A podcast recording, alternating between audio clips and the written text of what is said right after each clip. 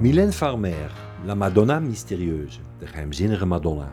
Herkenbaar aan haar rode kapsel en de Michael Jackson-achtige clips van haar chansons, brengt haar publiek in vervoering, soms sensueel, net als Madonna. Een van haar eerste clips deed veel stof opwaaien. Ze kwam er naakt in voor. De chanson heette Libertine. Je suis libertine. Je suis une catin. Je, je suis si fragile. Mylène Farmer is erg gesteld op haar vrijheid. En tout cas, la liberté de dire non, c'est un vrai privilège. De vrijheid om nee te zeggen is een echt voorrecht. Mylène is geboren in 1961 in Pierrefonds bij Quebec in Canada, waar haar vader tijdelijk was uitgezonden voor zijn werk. Teruggekomen in Frankrijk nam Mylène spraaklessen om haar Canadese accent af te leren. Haar meisjesnaam is Mylène Jean Gauthier. Die paste ze aan als eerbetoon aan Frances Farmer, de actrice uit de jaren 30 die door een verkeerde inschatting van haar moeder in een psychiatrische inrichting eindigde. Dit werd het thema van haar eerste chanson. Mama heeft ongelijk, ofwel Maman a tort.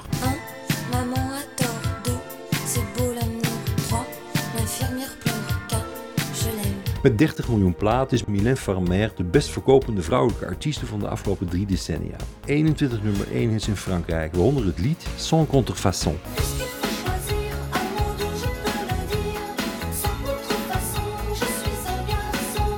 In 2009 zong ze het voor een uitverkocht Stade de France. Net als haar publiek genoot ze ervan.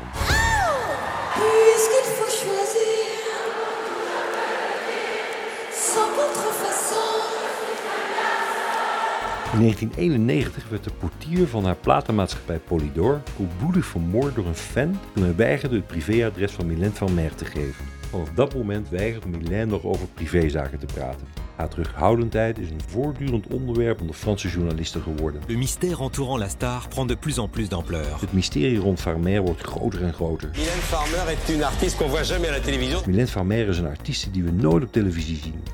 Haar teksten zijn vaak moeilijk te doorgronden. Ter illustratie het lied Les Mots.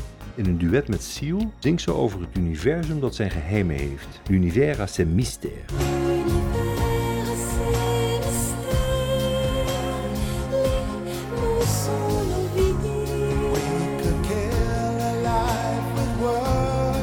Mylène Farmer is een cultfiguur geworden, de mysterieuze Madonna. In tegenstelling tot Madonna schrijft Mylène Farmer al haar teksten zelf.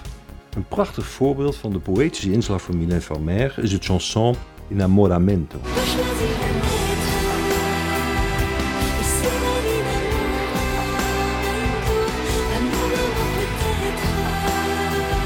Na een depressie componeerde ze begin jaren 90 het lied Désenchanté.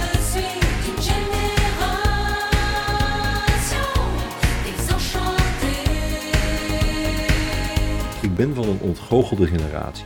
Ontgoocheld. De tekst van Désenchanté is gebaseerd op het werk van filosoof Émile Cioran, Sur les cimes du désespoir, ofwel op de toppen van de wanhoop. Désenchanté werd haar grootste hit.